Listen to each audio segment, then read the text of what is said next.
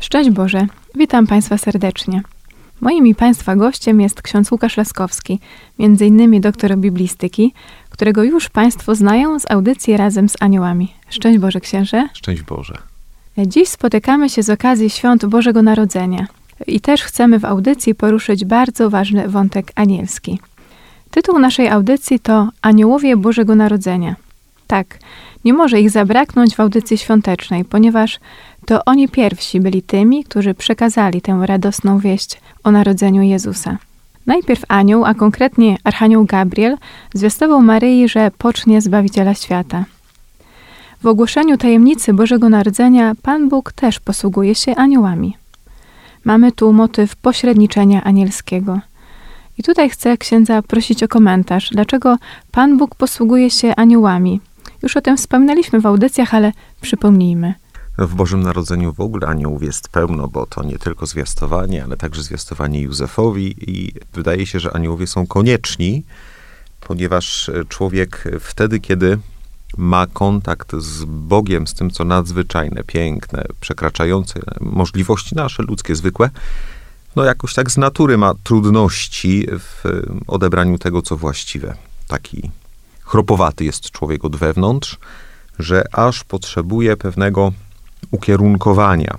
To nie należy się temu dziwić, bo to jest troszeczkę owoc grzechu pierworodnego. Nie wiem, czy Państwo zwrócili uwagę, jak to jest wtedy, kiedy anioł przychodzi do Matki Bożej i mówi do niej takie kapitalne słowa, nawet nie używa imienia, albo bardziej takiego, używa takiego imienia teologicznego, witaj pełna łaski, błogosławiona, Pan z Tobą, i na te wszystkie tytuły dopiero Maria się zmiesza, ale nie jest tam powiedziane, że zmieszała się widząc anioła, tylko po prostu na to, co anioł mówi. Więc dla niej, bez grzechu pierworodnego, świat ducha, świat wnętrza, obecność Boga, no, sprawiają wrażenie tak bardzo oczywistej. Dla nas to jest troszeczkę inaczej. Tak jakby po grzechu pierworodnym chmury zasnuły nam słońce, którym jest Bóg i trzeba było no bardziej tak po omacku, jak święty Paweł do Ateńczyków mówił, szukać to, co, tego, co nadzwyczajne, tego, co od Boga pochodzi. I stąd też, żeby tę drogę niejako skrócić, żebyśmy nie musieli błądzić, czy wyeliminować to ryzyko nierozpoznania przychodzącego Boga, Pan Bóg posyła aniołów z bardzo konkretną misją. I tu właśnie Gabriel jest takim no, naczelnym aniołem i wiele również postaci w Starym Testamencie wiąże się ich misja z pojawieniem się aniołów. Więc to jest taka pierwsza rzecz. Anioł jako pośrednik umożliwiający nam, albo bardziej ułatwiający zrozumienie, przyjęcie tego, co jest wolą Bożą. Oraz, co ważne, no po prostu jakoś w takich, przez swoje działanie umożliwia nam uniknięcie pewnej takiej no, pomyłki, która się wiąże przecież z działaniem Boga. A jak mówiłem, no z natury jesteśmy niestety tutaj i kulawi, i trochę ślepi, i głusi, jak to człowiek po grzechu pierworodnym. Patrzę jeszcze na tych aniołów, na pośredników szczególnej radości, bo wtedy, kiedy rodzą się osoby, szczególnie przez Boga obdarzone misją, wybrane do bardzo konkretnych zadań, wtedy też anioł pełni taką funkcję wskazującą, że tutaj się dzieje coś nadzwyczajnego i czasem rodzicom stawia wielkie wymagania. Na przykład, kiedy rodził się Samson, też przyszedł anioł, żeby zapowiedzieć jego narodzenie i jednocześnie postawił mamie Samsona bardzo konkretne warunki. Syn będzie święty, nie będzie się strzygł w związku z tym, będzie Bożym Nazirejczykiem. Nazir dzisiaj po hebrajsku to tak jak zakonnik, powiedzielibyśmy, osoba ofiarowana Panu Bogu. Ale w związku z tym mama, jak będzie go wychowywać, przygotowywać się do narodzin Samsona, będąc w ciąży, musi uważać i zachowywać pewne rzeczy, które zachowywali wtedy też Nazirejczycy. Nie kontaktować się z czymkolwiek, co jest rytualnie nieczyste, to też taki zwyczaj był wtedy, nie spożywać niczego z winorośli, czyli przede wszystkim wina rozum odbiera i różnie to bywa. Więc oni w ramach takiego szczególnego postu właśnie e, zachowywali abstynencję od tego, co z winorośli. I gdyby tak popatrzeć na główne zadanie aniołów, to jest właśnie tego typu pośrednictwo. Jeżeli rodzi się ktoś nadzwyczajny i za moment będzie pełnił szczególną Bożą misję, to bardzo często anioł jako pośrednik wskazuje rodzicom albo otoczeniu najbliższemu, że tu się dzieje coś nadzwyczajnego. Bardzo podobnie jest w przypadku narodzin Jana Chrzciciela. Żeby Zachariasz mógł stanąć na wysokości zadania i odpowiednio nadać imię Janowi. Jan, Johanan znaczy tyle, co Jachwę okazał łaskę, więc to jest imię szczególne. No Zachariasz musi po prostu się pogodzić z tym, że nie przekaże swojego imienia swojemu jedynemu synowi i koniec. Niech się Państwo nie dziwią, że była taka dyskusja. No nie ma nikogo w Twoim rodzie, który by nosił to imię, a Ty jakiegoś tam Janka sobie wymyśliłeś. A no właśnie dlatego był potrzebny anioł, żeby nie tylko zapowiedzieć szczególnego proroka, ale również wskazać to wybrane imię, ponieważ w tym imieniu, to jest jakby sedno całej sprawy, zawiera się misja poprzednika pańskiego. Jachwę okazuje łaskę i za moment przychodzi Jezus, też anioł wskazuje to imię, czyli Jachwę zbawia. Pośrednictwo aniołów wiąże się też więc z tą taką tajemnicą, dzięki której jesteśmy w stanie rozpoznać dane osoby działające, że coś właśnie się dzieje, szczególnego, coś nadzwyczajnego i to działanie jest zapowiedziane już przez aniołów. Dziś odnosimy się do tej sceny, kiedy to aniołowie ukazali się pasterzom, kiedy to właśnie pasterzom zwiastują tę tajemnicę narodzin Boga. Pisze o tym święty Łukasz w swojej Ewangelii. I tutaj możemy mówić o takich dwóch odsłonach. W pierwszej pojawia się na razie jeden z aniołów, towarzyszy mu chwała Boża. Jego misją jest objawienie Jezusa, Jezusa, który się narodził. W tej Ewangelii odczytywanej w Dzień Bożego Narodzenia czytamy, że kiedy pasterze trzymali straż nocną nad swoją trzodą, tem stanął przy nich anioł pański i chwała pańska zewsząd ich oświeciła, tak, że bardzo się przestraszyli. I rzekł do nich anioł, nie bójcie się, oto zwiastuję wam radość wielką, która będzie udziałem całego narodu. Dziś bowiem w mieście Dawida narodził się wam Zbawiciel, którym jest Mesjasz Pan. To jest kapitalne stwierdzenie. Gdyby Państwo zwrócili uwagę na pojawienie się słowa Pan w tym króciusieńkim tekście. Z jednej strony mamy anioła pańskiego, angelus Kyriu, a potem zaraz jest narodził się Mesjasz Chrystus, Pan, Kyrios.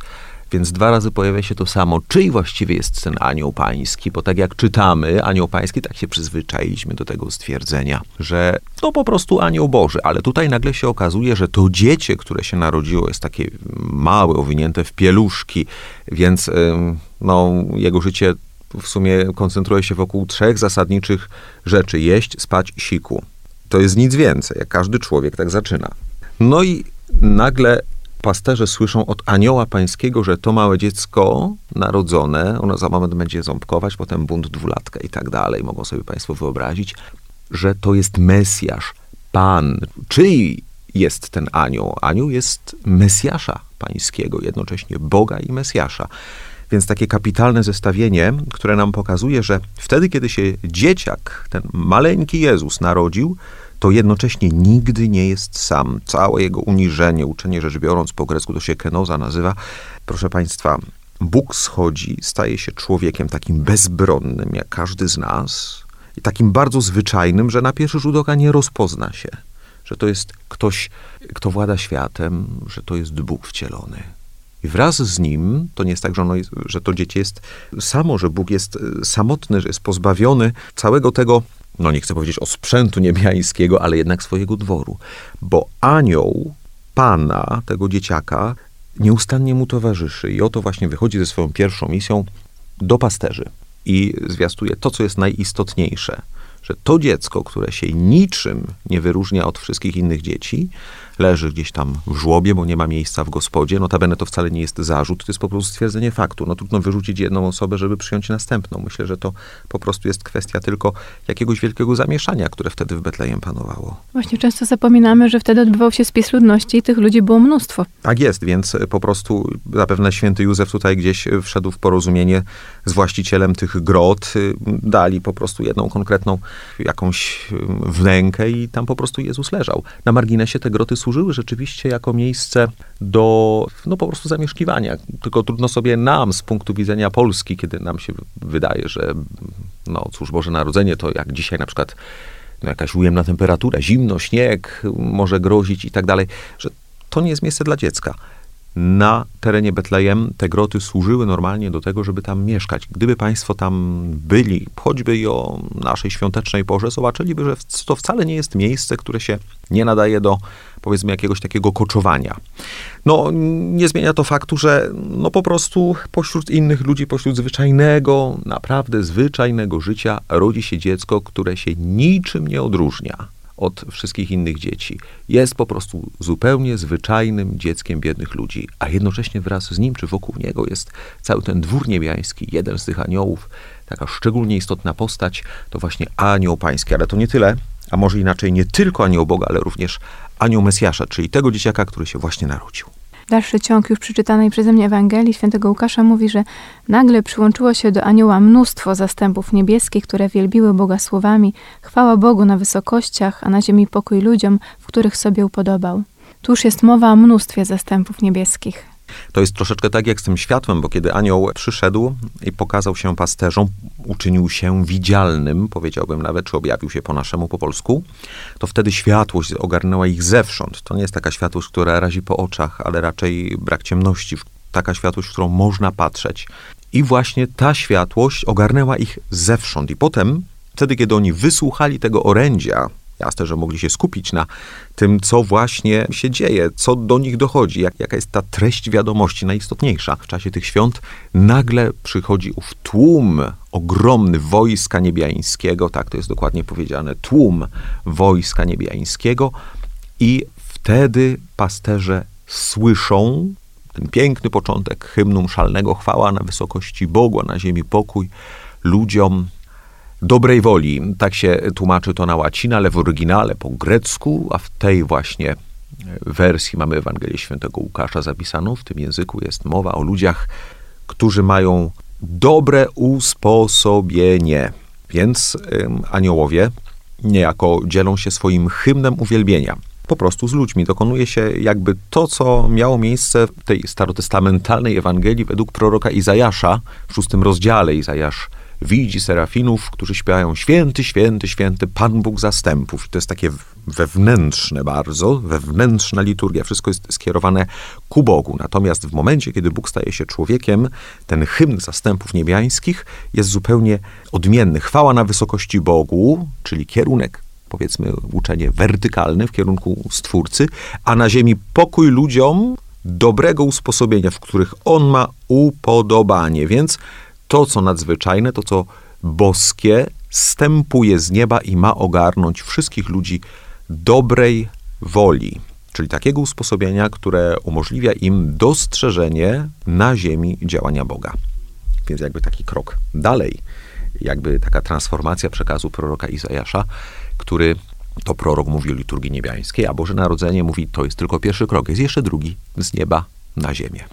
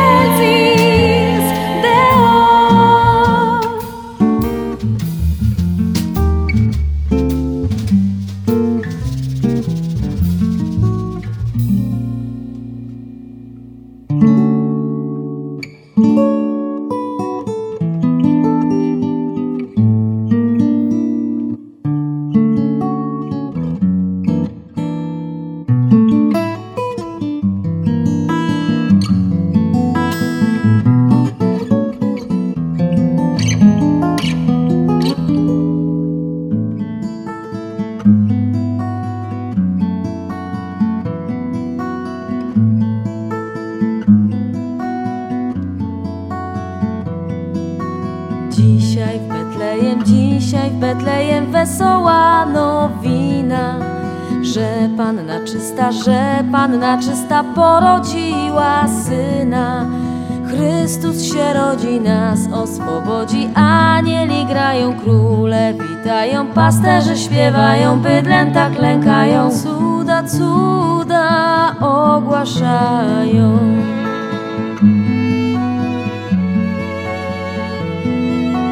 Maryja, Panna Maryja, Panna dzieciątko piastuje. I Józef święty, i Józef święty, ono pielęgnuje. Chrystus się rodzi, nas oswobodzi, anieli grają, króle witają, pasterze śpiewają, bydlęta klękają, cuda, cuda ogłaszają.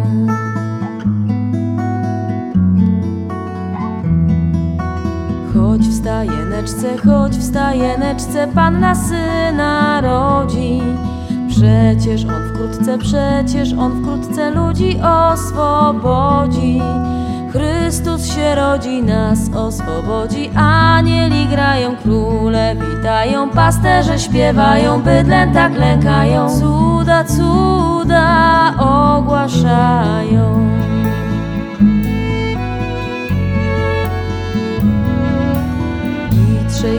I trzej królowie od wschodu przybyli. I dary Panu, i dary Panu kosztowne złożyli. Chrystus się rodzi, nas oswobodzi, anieli grają, króle witają, pasterze śpiewają, bydlęta klękają,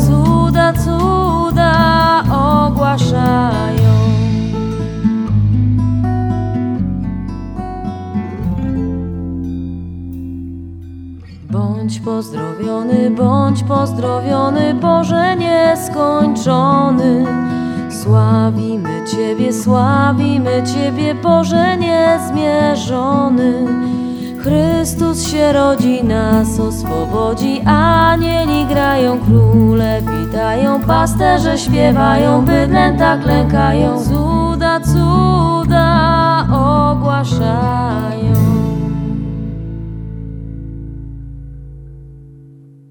Aniołowie zwiastują radosną nowinę o narodzeniu Jezusa pasterzom. To im przypadło w udziale być tymi e, pierwszymi szczęśliwcami. Dlaczego im właśnie? Przecież w czasach Jezusa pasterze byli ludźmi, których lekceważono. O tak, bo to zawsze no i u nas funkcjonuje takie powiedzenie, kto z kim przestaje, takim się staje. No więc pasterze oczywiście, że nie mieli czasu na to, żeby studiować y, na przykład prawo Boże, zajmować się jakąś wielką pobożnością. Do synagogi chodzili, no kiedy, jak on musi pilnować tych baranków, owieczek. Kto z kim przestaje, takim się staje. No i barany wokół, no, no cóż można pomyśleć. No proszę Państwa, to niestety byli ludzie troszeczkę z marginesu. Jasne, że bez pasterza nikt nie może żyć wtedy, bo to jest kwestia ubioru, to jest kwestia nabiału, to jest kwestia produktów mięsnych, no po prostu ludzie konieczni, ale jednak troszeczkę na marginesie społeczeństwa, ze względu na swój dziwny tryb życia, taki niezrozumiały, taki nazwałbym to może niestateczny.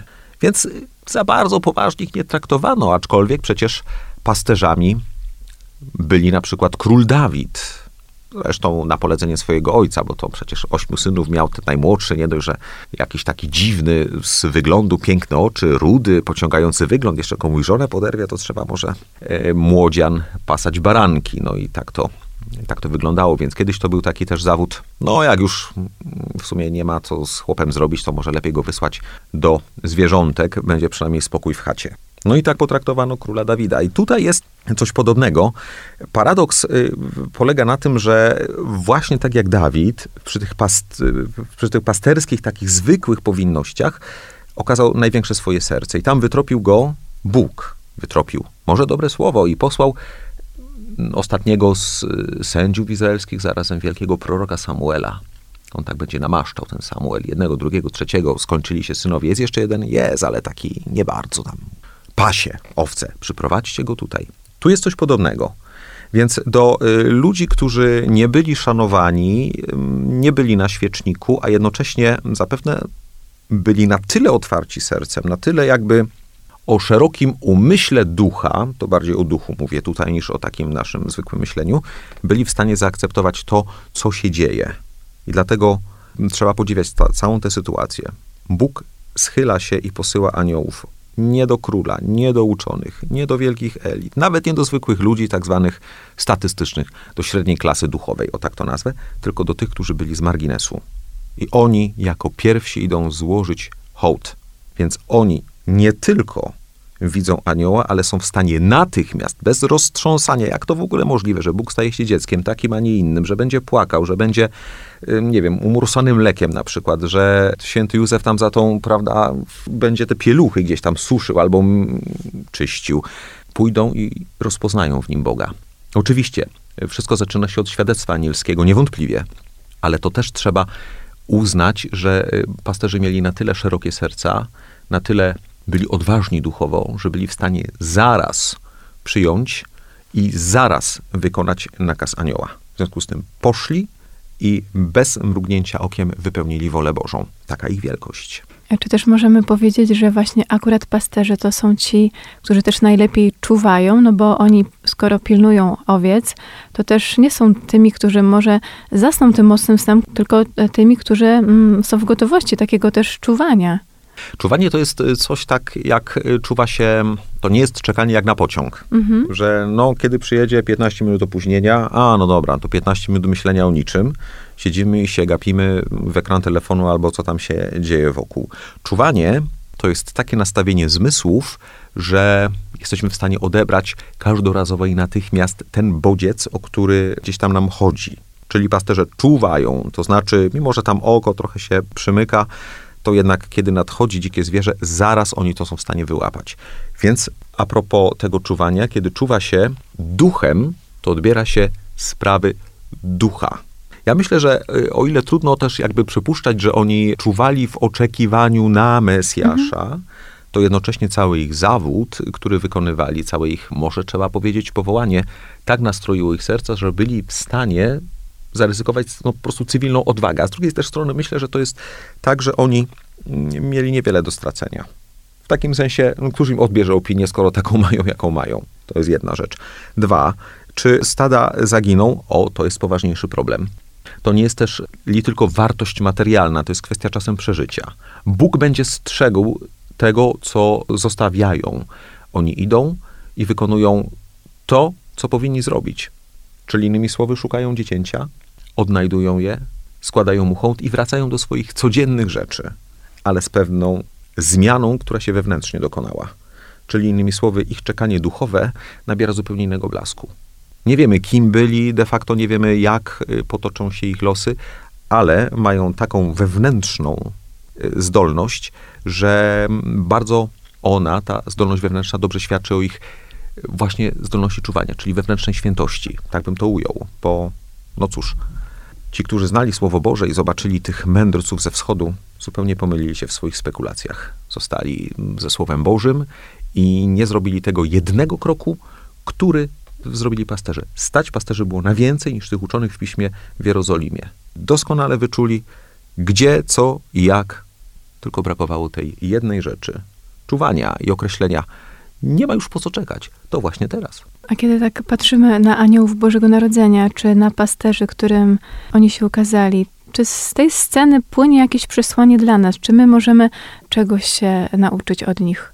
Ja myślę, że to ciągle to czuwanie będzie mi tak wracać. Advent, Adventus Christi, nadejście Chrystusa to jest y, kwestia czuwania. To nie tylko czekać, ale i czuwać, czyli tak otwierać zmysły swojej duszy jeżeli tak można powiedzieć, jej władzę, tak ukierunkowywać na Boga, żeby nie przegapić, nie spać. To jest jedna sprawa, a druga rzecz jest taka, wtedy, kiedy Bóg przychodzi, to nie ma czasu na ociąganie się, bo to Bóg zwykł chodzić szybko. Okazuje się, że on nie zwleka, można potem za nim nie nadążyć, jak się będzie zwlekało i ociągało, bo jeszcze to, jeszcze tamto, jeszcze siamto. I trzecia sprawa to jest też taka, że nasze życie duchowe to jest troszeczkę walka. Wiadomo, że jak żołnierz siedzi w okopach, to głowy nie wystawia. Nie rozgląda się na prawo i lewo, co tam słychać nieopodal, bo mu ten łeb odstrzelą. To są takie trzy rzeczy, które mi się kojarzą właśnie z tym naszym progiem, czyli z przejściem z Adwentu w czas Bożego Narodzenia. Czas czuwania. Adwent się kończy, ale czas czuwania nigdy. Walka, daj Boże, się skończy, ale dopiero na tamtym świecie. To ciągle, ciągle zadania duchowe. ciągłe otwarcie się na to, co wspaniałe, na to, co duchowe. No ale nie ma innej drogi. To w takim razie, trwając w tej radości Bożego Narodzenia, życzymy przede wszystkim Państwu tej postawy czuwania i tej otwartości na przychodzącego Jezusa, abyśmy go nie przegapili, ale żeby nasze serca były gotowe na jego przyjęcie. Dziękujemy serdecznie za uwagę. Życzymy błogosławionych świąt radości z narodzenia Jezusa. Księdzu Łukaszowi bardzo serdecznie dziękuję, że po raz kolejny gości u nas w studiu. Szczęść Boże. Szczęść Boże.